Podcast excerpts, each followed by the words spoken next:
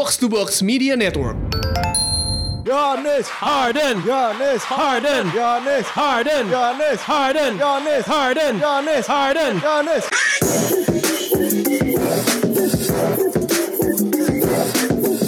What up, what up? You're now listening to the most valuable basketball podcast in Indonesia. Box out dari jaringan Box to Box. Seperti biasa dipandu gua host Raditya Alif.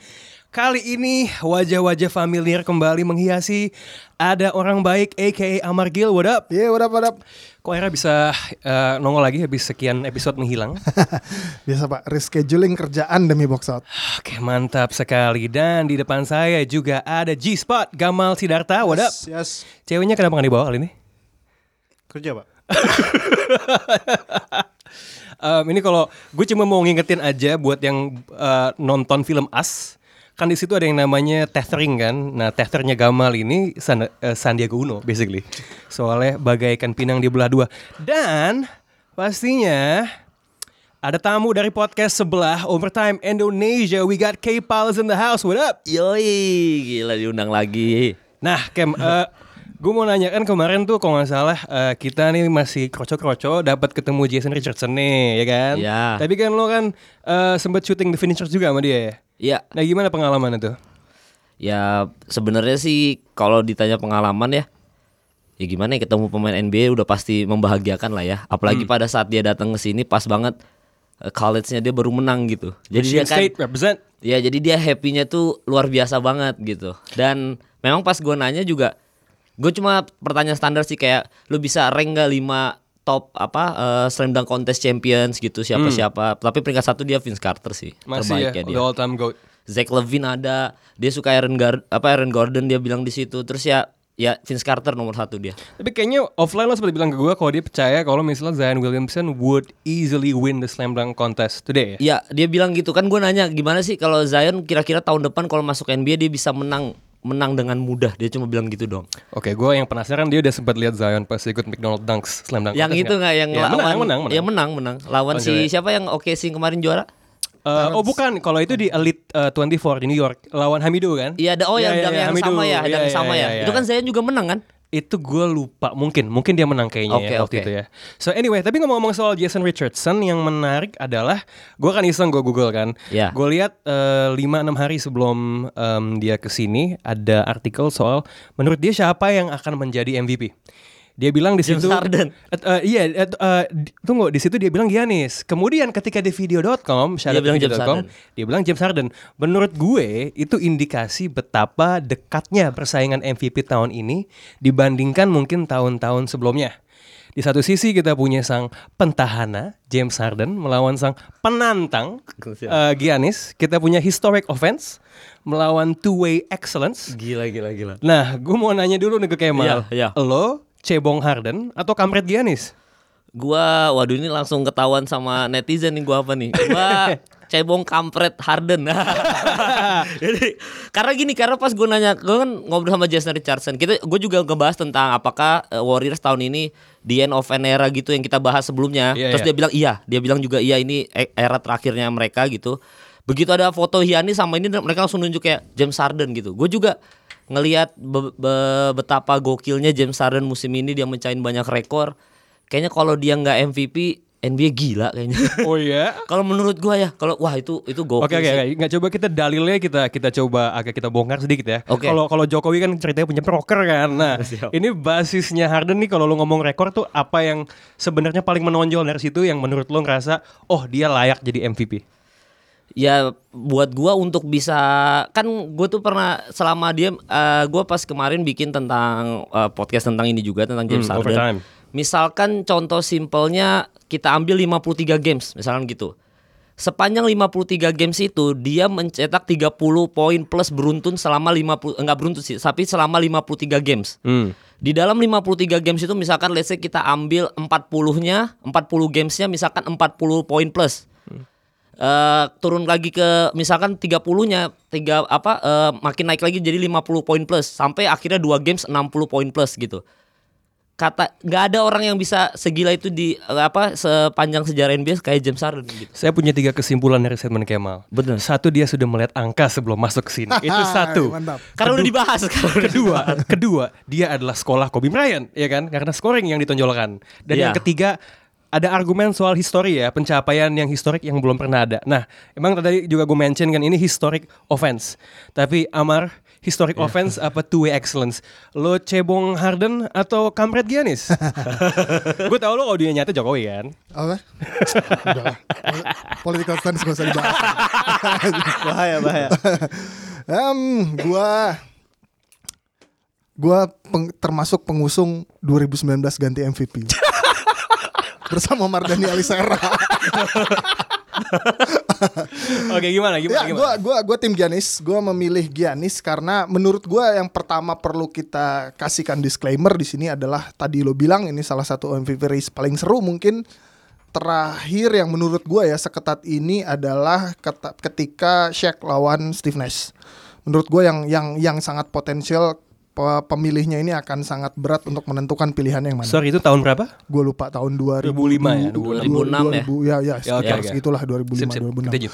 Uh, terus eh yang kenapa gua gua milih gua milih eh, Giannis karena satu gua pasti pakai rule of thumb yang paling standar di mana yang paling standar itu biasanya lo memilih pemain terbaik dari tim terbaik gitu loh. Dan apa yang dilakukan sama Giannis menurut gue juga historical. Dan eh, gua nggak nggak nggak pada pandangan kalau misalnya NBA decided para votersnya memilih akhirnya untuk James Harden yang mem- memperoleh MVP gue nggak akan gue nggak akan kayak marah-marah gila goblok NBA segala macam. Menurut gue nggak akan kayak gitu. Karena saking saking tipisnya race ini menurut gue karena apa yang dilakukan Harden itu menurut gue kayak tadi Kemal bilang luar biasa banget historical. Apa yang dia lakukan offensively sangat gila. Gue sih sepanjang gue nonton NBA mungkin dari gue masih kecil belum pernah ngelihat ada orang semudah itu bikin poin dengan cara-cara yang menurut gua unorthodox. Kalau kalau cara-cara ortodok seperti apa yang dilakukan oleh big man mungkin kita sering kita ngeliat kayak dominasi Shaq di tahun 2000-an itu mungkin kita pernah lihat tapi dengan cara-cara yang tidak ortodok yang dilakukan sama James Harden menurut gue itu sangat gila. Dan dia memperkenalkan pergerakan-pergerakan yang sebenarnya mungkin bukan dia yang memperkenalkan tapi dia yang mengemphasize supaya gerakan itu juga akhirnya dikenal lagi sama publik dipakai Mempopulerkan. seperti itu.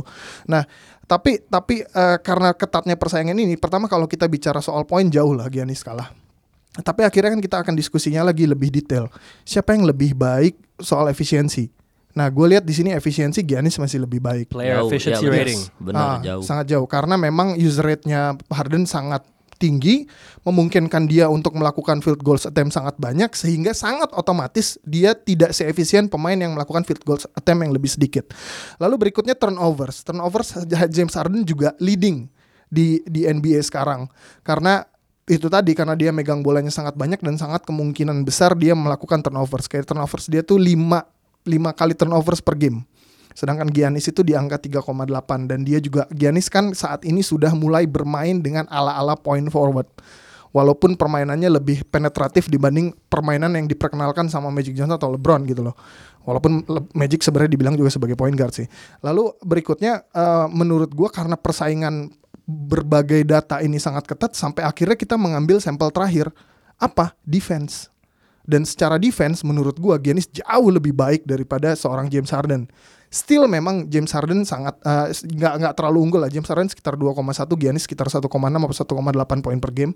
Tapi still itu kalau misalnya kita ngelihat analytical NBA tidak serta merta bisa dipakai sebagai parameter yang menandakan kehebatan defense seseorang. Ya. Nah, apa yang dilakukan adalah kayak misalnya kita ngeliat PR, udah gitu kita juga ngeliat uh, uh, defensive rating. Defensive ratingnya kalau nggak salah si Giannis itu 98, sedangkan James Harden itu sekitar 106. Jadi uh, per 100 possession. Nah, jadi uh, menurut gua perdebatannya sampai akhirnya berujung pada oke offensively kemampuan dua pemain ini sangat bisa untuk menarik perhatian defender lain sehingga pemain-pemain lain mempunyai kesempatan untuk melakukan poin cuman case-nya Harden mungkin lebih banyak poinnya di dia gitu ya. Tapi apa yang dilakukan sama eh, apa namanya si Giannis ini menurut gue luar biasa. Nah satu lagi yang gue perlu tambahkan yang dilakukan Harden yang sangat digembar-gemborkan ke media kan apa yang terjadi pada Rockets di awal musim yang akhirnya dia, dia bisa bawa ke eh, sebagai kontender yang sangat kuat di barat, masuk di posisi 4 atau tiga besar. Nah, menurut gua orang tuh terlalu rely sama yang namanya Cinderella story. Orang tuh terlalu suka sama kisah yang tadinya hancur tiba-tiba karena one man show lo jadi bagus banget. Sedangkan apa yang dilakukan Giannis adalah konsistensi dari awal sampai sekarang dia berhasil ngebawa satu tim yang tadinya cuman di peringkat 7 di NBA di East lagi dan gagal di uh, ronde kedua ya kalau nggak salah di playoff ya sama Tahun lalu ya? sama, ya. Iya. Dan dan dia akhirnya menjadi tim terbaik secara rekor di NBA dan menurut gua ini hal yang incredible dan komposisi timnya juga uh, memungkin uh, tidak sebenarnya tidak tidak tidak terlalu bagus sih menurut gue ya kalau dari dari segi credentials sebagai all star ataukah superstar di NBA beda sama Harden yang main sama point guard terbaik di NBA gitu loh. itu dia Chris Paul dan tu dan Tufel. Tufel, Tufel ke mana Tufel? Gila tiba-tiba ada bahas Tufel. Gila gila. Oke oke tunggu tunggu sebelum gue sambung ya soal omongannya. Eh, Gamal, lo cebong Harden, kampret Giannis atau saya golongan PG? Ada independen PG berarti Nur Hadi Aldo ya golongannya mereka. Jokic Aldildo enggak deh, Jokic Aldildo. Nggak, gimana, gimana? Kalau- gue gue gue juga satu golongan sama Amar eh, 2019 ganti MVP.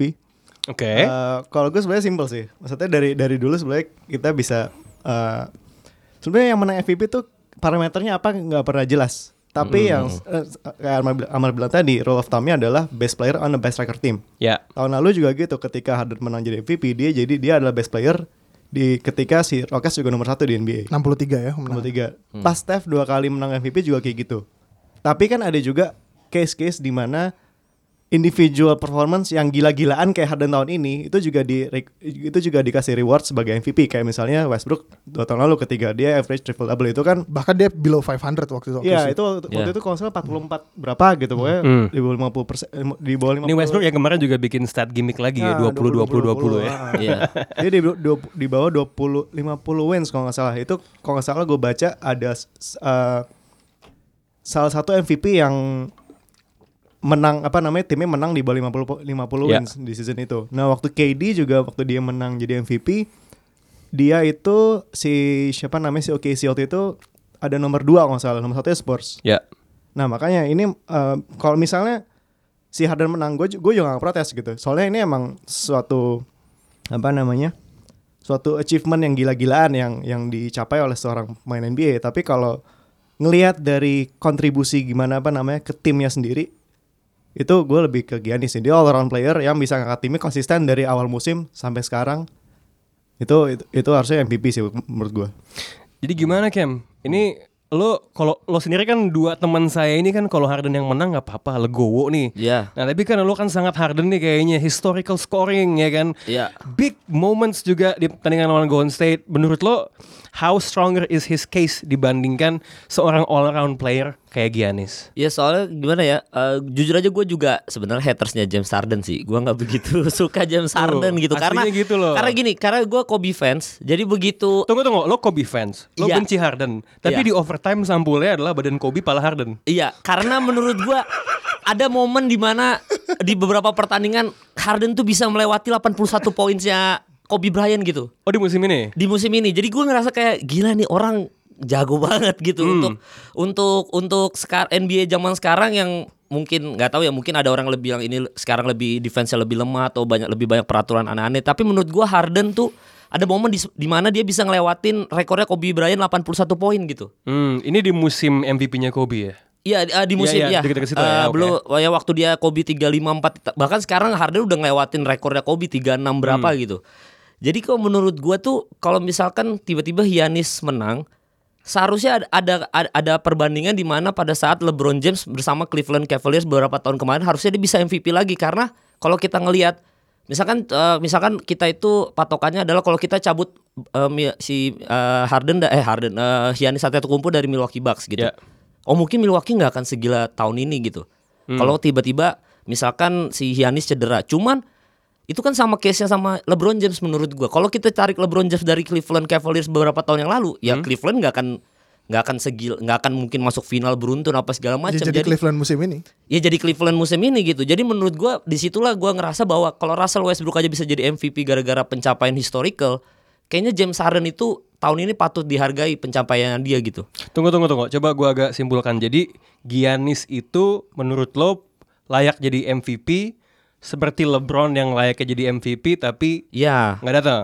ya karena kalau kita kayak kalau misalkan akan ke overshadow sama pencapaiannya Harden musim ini. Iya kalau menurut gua karena kan kalau MVP itu kan one person gitu, bukan bukan ya walaupun sebenarnya harus ngebawa tim juga jauh lebih baik. Cuma kan tadi Houston Rockets juga sebenarnya waktu Clint Capella cedera, Chris Paul cedera itu Harden juga mati-matian sebenarnya. Hmm. Dari dari spot paling bawah dia kan sempat kayak 15 14 sempat di bawah Ya. sampai akhirnya sekarang naik naik naik sekarang finish di tiga gitu. Menurut Ya. gua itu sebuah Itu narasinya Sesuatu. ya membawa tim yang gini-gini aja. iya tim yang ya. gini-gini aja akhirnya oh berarti ternyata James Harden se-valuable itu gitu. Hmm, jadi soal narasinya ya, Iya, dia, karena- dia bisa ngebawa gitu Karena ya. kalau di East tuh udah nggak ada LeBron gitu. Kalau misalkan LeBron masih ada di East, mungkin Giannis tiba-tiba finish di satu. Gue ngerasa kayak Giannis harus MVP menurut gue. karena, Karena, lawannya LeBron. iya karena lawannya LeBron Kan gitu. LeBron emang anjing ya udah, Iya. udah masih aja menentukan.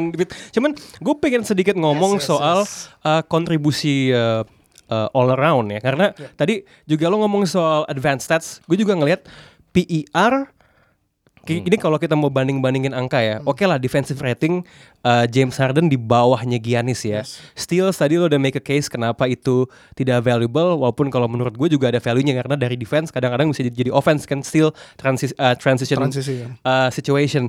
Cuman beberapa advanced statistics juga menunjukkan kalau uh, James Harden biarnya di bawah Giannis, tapi kalau gue lihat masih lumayan elit dan value over replacement player-nya James Harden adalah yang paling tinggi. Maksud gue secara advanced stats uh, James Harden itu juga uh, di uh, box box box tertentu tuh juga ya bisa lo bilang oke dia punya a case gitu. Apakah kenapa buat lo at the end of the day the best player on the best team tuh yang paling yang paling on the top gitu loh. karena menurut gue satu gini eh, apa yang apa yang James Harden lakukan historical tapi apa yang laku- dilakukan sama Giannis juga historical. Pencapaian pemain yang memiliki poin rata-rata sekitar 27,5 poin per game tu- 12,5 rebound per game 6 assist per game 1,5 block 1,8 steal eh sorry 1,8 block atau 1,5 steals gitu itu cuman bisa dilakukan sama Will Chamberlain waktu itu Hmm, Ya, tahun berapa tuh ya? Ya, iya. Menurut gua, menurut gua kalau 1960-an. sekarang kalau kalau misalnya kita bikin lah tiap box kategori kita debatkan, kita debatkan soal historicalnya, kita debatkan soal kemampuan offense-nya, kita debatkan soal kemampuan defense-nya, kita debatkan soal makna dari valuable-nya itu seperti apa. Ya akhirnya gue mengerucut kepada pilihan gue kepada Giannis karena dari semua kan gue gue setuju yang tadi lo bilang PER-nya juga sangat tipis. Jadi hampir semua nih apple to apple gitu loh. Mungkin kalau soal scoring lain banget lah. Dan kalaupun Giannis punya punya hak dalam dalam artian punya kesempatan buat melakukan segitu banyaknya field goal attempts bukan nggak mungkin dia bisa melakukan itu gitu loh karena Iya. field goals dia di under the rim itu yang paling tinggi di NBA gila itu sekitar 60% apa 65% gitu itu Iya, menurut Itu gua- kenapa dibandingin sama Shaq ya? Nah, ya, ya, itu makanya itu dia dia dilihat dominasi di di bawah ringnya dia di, disandingkan dengan kemampuan uh, kemampuan Shaq pada saat itu. Nah, jadi uh, gua akhirnya mengerucut kepada gap apa yang cukup jauh, gap defense itu tadi dan ketika kita ngelihat Giannis sendiri menurut gua memang memang dari gua pribadi gua nggak menganggap dia adalah kandidat terkuat untuk menjadi defensive player of the year. Tapi dia layak untuk masuk conversation untuk kita bicarakan kemampuan defense-nya segitu dominannya gitu loh. Dan untuk untuk sebuah tim yang bermain dengan skema seperti itu di mana kalau lo ngeliatin kalau ah, sekarang kita bicara eye test nih kalau lo ngeliat eye test apa yang dilakukan sama Giannis itu bener-bener bikin defense lain tuh mengerucut di tengah makanya kemampuan Brogdon juga sangat meningkat nembaknya karena dia benar-benar bebas kemampuan Brook Lopez juga kita nggak bisa nggak bisa hila- hilangkan statistik yang menunjukkan uh, most open wide three points itu Milwaukee Bucks. Nah itu karena Iya. siapa yang narik gitu loh. Itu Karena pasti Giannis pasti pasti karena Giannis yang narik narik gitu loh. Dan eh, menurut gua eh, permainan permainan James Harden itu sendiri bisa segitu optimalnya karena dia diberikan keleluasaan yang sangat maksimal dan satu yang gue salut banget sama James Harden sih menurut gua ya. Mungkin he is one of the best in history untuk membuat free throw segitu optimalnya segitu konsistennya di, di saat free throw dia segitu banyaknya Iya. Eh maksud gue kita ya kita kadang-kadang main lah maksudnya mau main di komplek mau main lu ngebayangin segitu banyaknya lu ngelakuin free throw itu bener-bener nggak gampang gitu loh dan dia tetap bener-bener bisa mempertahankan di presentasi yang sangat bagus. Itu gue sebenarnya kalau ngelihat uh, free throw percentage dia dan field goal overallnya ya, yang meng- yang sebenarnya paling mencengangkan dari buat gue dari pencapaian dia di usage rate segitu masih sangat-sangat efisien. Siapa pun di sejarah NBA yang usage-nya segitu, yang nembak three pointnya sebanyak itu, setuju. biasanya akan akan sangat-sangat uh, Apalagi kalau lo drop. break lo break lo breakdown ke 30 per position eh, position per game, uh, udah gitu 100 position per game, itu itu sebenarnya sangat bisa tadi makanya gue bilang sangat layak kalau lo nggak seefektif Giannis saat lo nembak segitu banyaknya.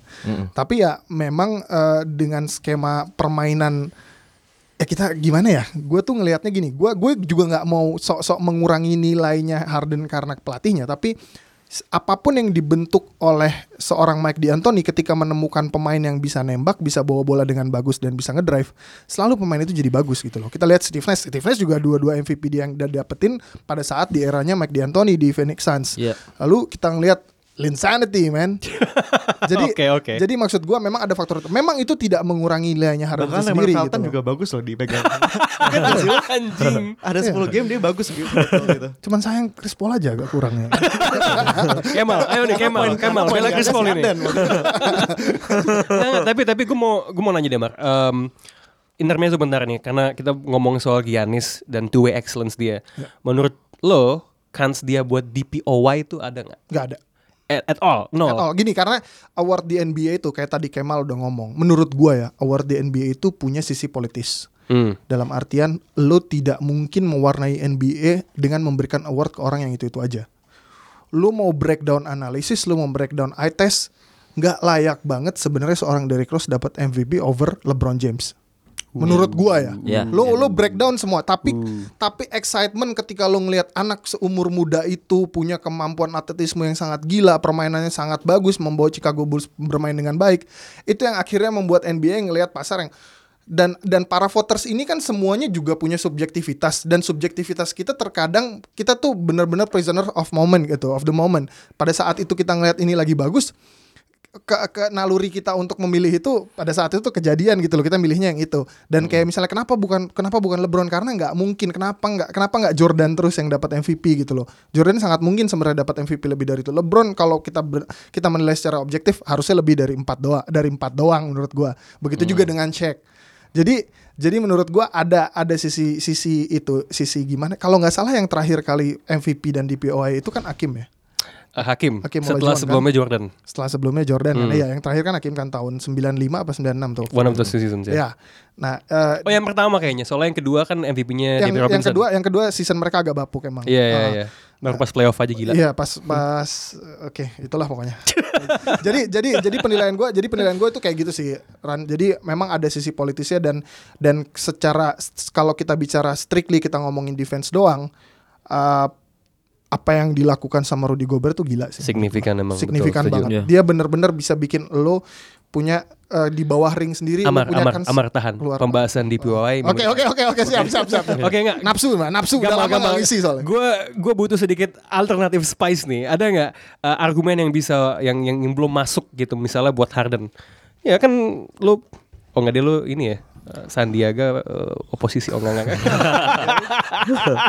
Mungkin satu hal yang bisa dilihat kalau dari case James Harden adalah uh, win share dia lebih tinggi daripada si Giannis walaupun juga Oke. tipis. Hmm. Dan apa namanya? uh, itu doang sih. Oke, di- juga- lagi-lagi perbandingan statistik Ah, ya yang itu- udah di ya sama semua sama banget. itu sih tadi menurut gue Cinderella story-nya itu ngebawa tim yang eh, Bapuk, mereka awalnya bapuk ya. terus dengan penampilan dia yang 30 poin berapa lama itu timnya naik naik naik naik naik naik naik gitu loh. Jadi terkadang yang kisah seperti itu dianggap lebih lebih menarik perhatian ketimbang lu ngeliat tim yang dari awal konsisten bagus mulu gitu loh. Ya. Jadi kan kayak karena lu udah bagus mulu kayak ya ya namanya Nggak dramatis. Iya, ya nggak dramatis gitu loh, nggak nggak ada narasinya ya. Mungkin mungkin karena ini olahraga Amerika gitu. Maksudnya lu mesti ada kayak dramanya gitu kan. Hmm, Ketika from lu, rags to lu mesti riches kalah gitu. dulu, lu mesti zero to hero gitu kan. Mesti ada kayak Hmm. gitu-gitu ya. Mungkin itu jadi narasi yang bagus buat James Harden. Kayak Avengers ya ada Infinity War dulu sebelum nanti Endgame gitu ya. Ya trailer juga ditahan-tahan dulu.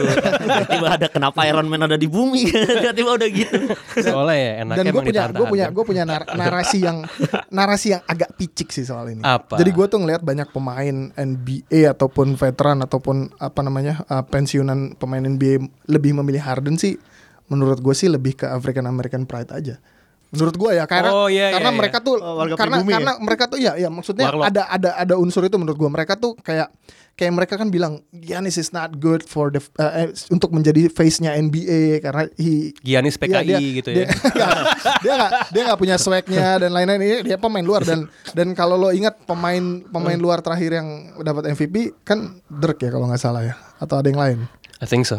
Iya ya. Dirk, kan. Dirk Nowitzki. Dirk tapi dia Hakim mendapat udah USA waktu itu. Bukan Steve Steve Nash tuh bukannya Oh kan ada, Kanada. kan ada. Iya, tapi Steve Nash. Steve Nash dulu apa Dirk dulu dapatnya Eh, Iya. Dirk dulu kan? Eh, eh enggak lah, sorry Steve Nash Steve dulu, Nash Steve dulu Nash kan, lah, Dirk. Steve Honestly gue lupa. Nanti Ah, gue cek iya. Wikipedia pakai dan, statement Kemal dan benar maksud, maksud gue adalah Dirk itu mendapatkan MVP itu ketika dia sudah earn respect dari seluruh kalangan NBA sedangkan Giannis umurnya masih 24 tahun dan masih ya masih hijau lah di NBA bisa dibilang gitu loh. Jadi Jadi kalau Bro Amar tadi bilang uh, ada momen Derrick Rose dikasih momen karena kan NBA ngeliat momen gitu. Ya kalau menurut gue ya momennya James Harden sih ini karena tahun depan nggak mungkin nge- mengulangi sejarah yang sama Eh, enggak, untuk justru- NBA justru- gitu. justru You never know.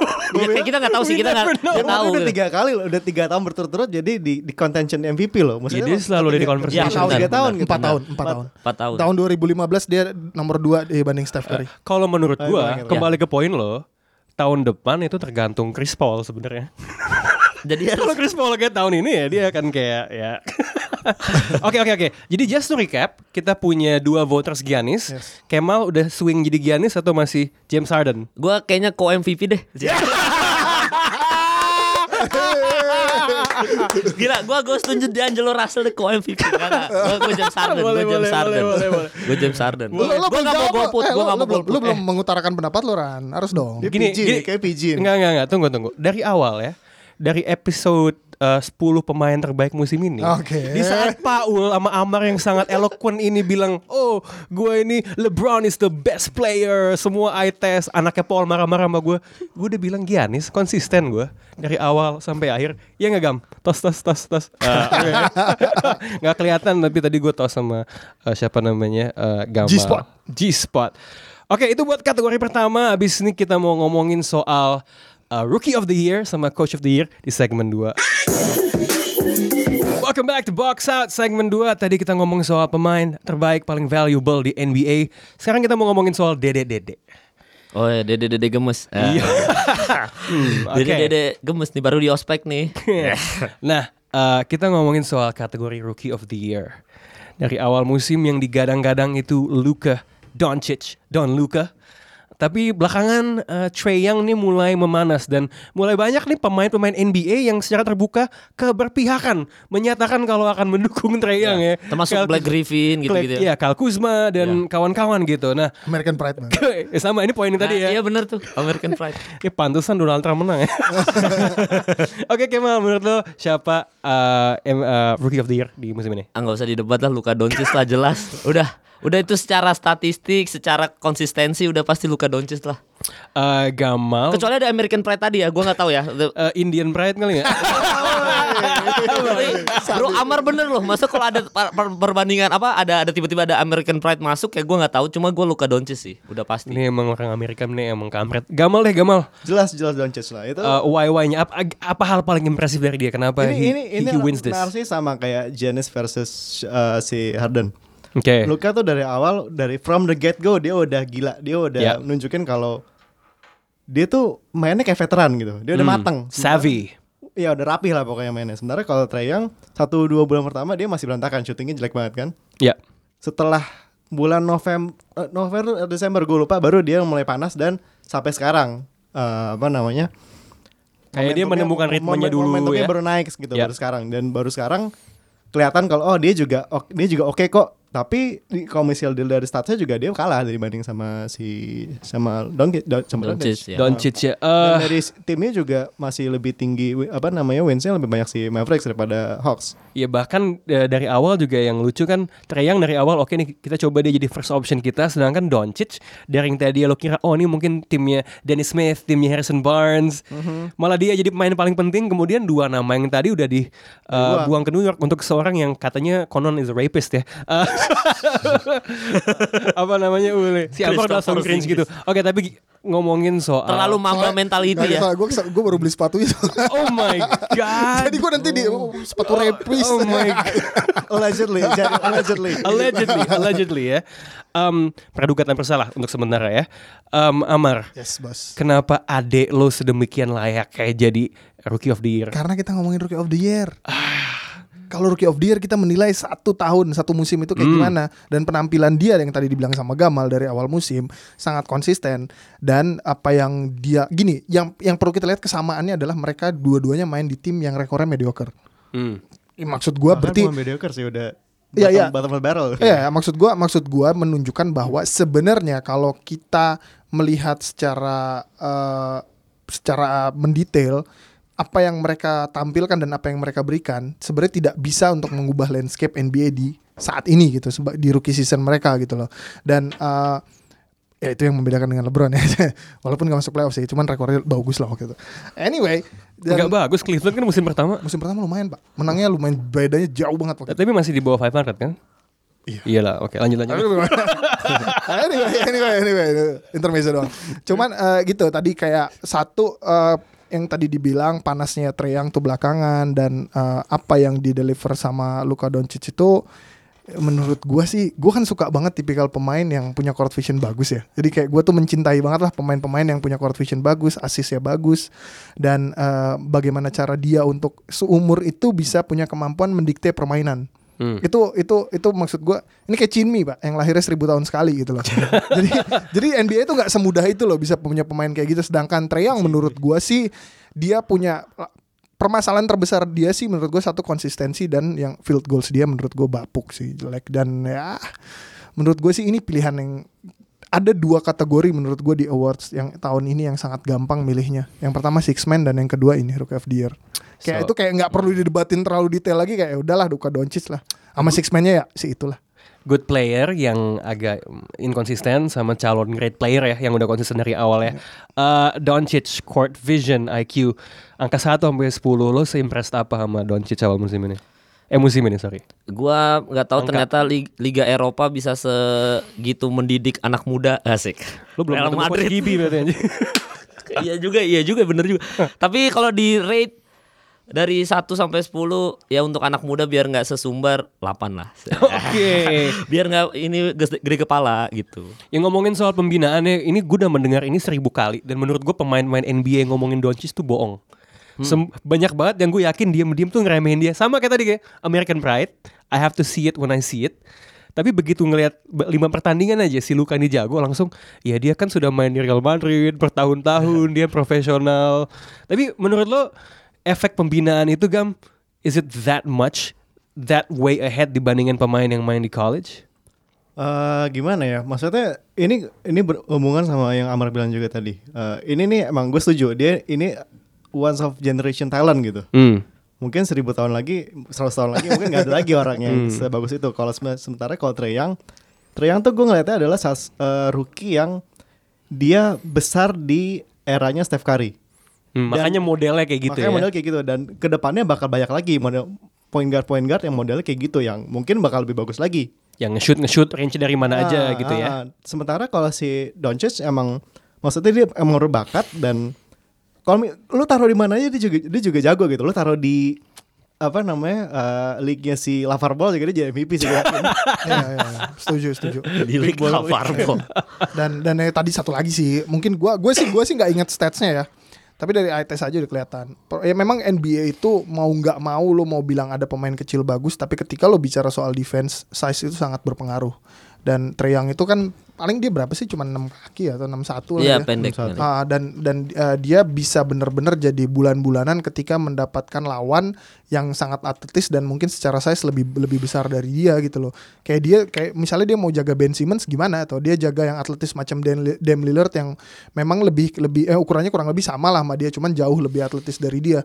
Dan Doncic sendiri memang bukan seorang defender yang memukau tapi menurut gua punya punya kemampuan yang yang harusnya bisa kalau diutilize dengan baik punya kemampuan yang lebih baik lagi gitu loh. Tapi ngomongin size ya sama athleticism ketika Doncic belum masuk ke NBA ya. Salah satu yang eh, mungkin scout scout eh, bukan scout ya tapi mungkin ex pemain yang hmm, diam-diam sinofobik gitu ya. Semua pada bilang kayak wah saya ada saya ragu nih dia mu- thick thick. Thick pakai double C ya. Kayak agak gemuk dikit gitu kan, gempal. Dan katanya juga dia belum sempat nurunin berat badan ya karena eh, load main di Liga Eropa tuh juga banyak dan dia belum dapat istirahat kan. Tapi ternyata itu nggak terlalu terlalu bermasalah di NBA. Mar, menurut lo athleticism ini overrated nggak sih sebagai indikator? Kalau kan gini, menurut gue ya, gua mungkin ini bakal banyak yang menentang pembicara omongan gue. Menurut gue yang paling mahal di NBA itu IQ, Basketball Over. IQ. Over over physical eh, apa namanya kemampuan secara fisik gitu loh dan talenta secara fisik lo gimana? Karena menurut gue banyak orang yang secara fisik itu punya punya kemampuan fisik yang tidak jauh berbeda dari seorang Michael Jordan tapi nggak mungkin kita bisa lihat banyak Michael Jordan. Begitu juga dengan dengan talenta fisik seorang seorang LeBron memang dia salah satu spesimen fisik yang paling gila. Tapi itu dia menjadi segitu hebatnya karena digabungkan dengan IQ dia kemampuan court vision dia yang tadi gue bilang mendikte permainan secara keseluruhan jadi menurut gue sih ya memang gue nggak bisa bilang ini overrated juga tapi itu bukan serta merta jadi jadi faktor utama gitu loh. Kenapa lu bisa ngelihat seorang Jokic begitu dominannya di paint area dan kemampuan assist dia sangat bagus kan kan yang menurut gue yang mendisting dari Jokic dengan center-center lain adalah kemampuan passingnya dia justru kan. Kalau kita ngomongin footwork, kalau kita ngomongin bagaimana dominasi dia di paint area, mungkin masih banyak lawan-lawan dia yang punya karakteristik yang sama, bahkan mungkin lebih baik kemampuan footwork ya. Tapi yang membedakan dia adalah dia bisa ngelihat ada celah-celah untuk melakukan passing. Jadi menurut gue sih eh, mau nggak mau NBA juga akan bertransformasi ke era atletisme juga sangat tinggi tapi kemampuan-kemampuan pemain secara core vision ini juga akan meningkat sih menurut gua makin lama makin banyak yang kayak gitu Luka Doncic, there's no debate on this one. Will there be a debate buat kategori yang ini Coach of the Year, pelatih terbaik? Um, uh, nama yang sering-sering disebut di situ ada Mike Budenholzer, ada siapa lagi coba ada Doc Rivers ya kan, ada Mike Malone, oh iya sama Nate, yay McMillan, Indiana. Uh, Kemal, Ya. pelatih terbaik NBA Coach of the Year, who you got? Em, coach itu baru berapa tahun ini sih voting ya? Baru tiga tahun terakhir ya? Voting baru ada voting gitu ya? Eh, saya lupa, tapi Nah. bukan dari dulu ya nggak ya? Lumayan lama Ya, Lumayan lama ya? soalnya tuh gue sempat ngecek gitu bahwa eh, sebenarnya kalau misalkan di debat ya pasti harusnya Buden, apa Budenholzer udah pasti coach of the year lah ya. Kalau ngelihat dari rekor seluruhnya kalau dia lebih banyak dari tim Western. Tapi gue justru tertarik sama Mike Malone. Kenapa tuh? coachnya Denver Nuggets karena bayangin Nuggets yang tadinya tahun sebelumnya finish cuma di 9 sekarang bisa finish di dua. Dengan tanpa ada penambahan super apa superstar yang signifikan dengan pemain yang sudah ada gitu. Maksudnya dia mengelola pemain yang sudah ada tapi bisa finish di dua itu di West yang di- bisa dibilang hutan rimbanya NBA itu sesuatu sih menurut gua. Karena waktu itu pernah gini ternyata ada ada fakta menarik bahwa eh, pelatihnya Denver Nuggets di era pada saat Carmelo Anthony baru pindah di trade ke New York Knicks dia kan si George Karlsnya kan menang Coach of the Year pada saat itu 2012-2013 kalau nggak salah. Karena dia bisa membawa pemain muda tanpa Carmelo Anthony tapi finish di playoff gitu. Akhirnya dia dapat dia dapat Coach of the Year. Terus habis itu Mike D'Antoni sempat jadi Coach of the Year pada saat dia baru pertama kali pindah ke Houston Rockets yang tadinya finish di 7 tadi 41-41 Kevin McHale tiba-tiba begitu Mike D'Antoni masuk dan dia menyerahkan tahta point guard ke James Harden dia jadi Coach of the Year gitu. Jadi kayaknya NBA kalau Coach of the Year melihat signifikan yang menurut gua gimana ya kayak ini tim tiba-tiba nggak dipandang terus tiba-tiba jadi something gitu. Kayak gitu sih kalau gua. Karena Denver Nuggets kalau dari patokannya Denver Nuggets sebelumnya nggak playoff. Milwaukee Bucks sebelumnya udah playoff gitu. Berarti sebenarnya Denver Nuggets lebih jauh lebih perubahannya lebih signifikan tanpa ada penambahan superstar yang sejago banget gitu. Mereka tetap pemainnya tetap sama gitu Kalau kayak gitu kasusnya dalam artian nggak ada pemain bintang, Ya. eh, bukankah lo juga bisa bi- bilang kalau Doc Rivers has a strong case? Benar kok buat tahun ini Doc Rivers. Cuma kan Denver Nuggets fini- finish di dua dan dia adalah pelatih All Star juga kan sebelumnya. Maksudnya si Mike Malone kan All Star tahun ini gitu. Cuma kan ada Nikola Jokic kan pemain hebat kan? Ada, tapi kan maksudnya kalau perbandingan ada tahun lalu mereka finish di 9, tahun ini finish di dua di West itu Lo something sih. incrementnya. Iya, maksud di West ini kondisi West di mana sebenarnya West penambahan LeBron kan berarti West sangat kuat sebenarnya. Dengan walaupun Kawhi Leonard cabut ke East, tapi Itu walaupun LeBron timnya di peringkat 10 sekarang. ya, tapi kan awal-awal musim kan awal-awal Iya, iya, season iya. kan bahaya. Oke oke oke. Kita punya satu nih pilihan alternatif Mike Malone yang menurut gue emang sangat pantas masuk ke dalam conversation Coach of the Year. Gamal, lo ada rencana selingkuh dari uh, Coach Bud atau enggak?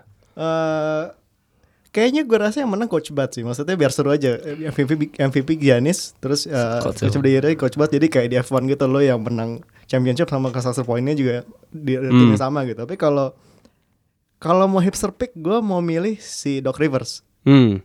Karena ya tadi kayak argumen Kamal tadi bilang apa namanya ini tim yang di awal musim orang udah write off siapa yang siapa sih yang bakal ngebet sama uh, si Clippers gitu. Apalagi setelah si apa uh, main-main bintangnya si Tobias Harris juga dibuang semua kan.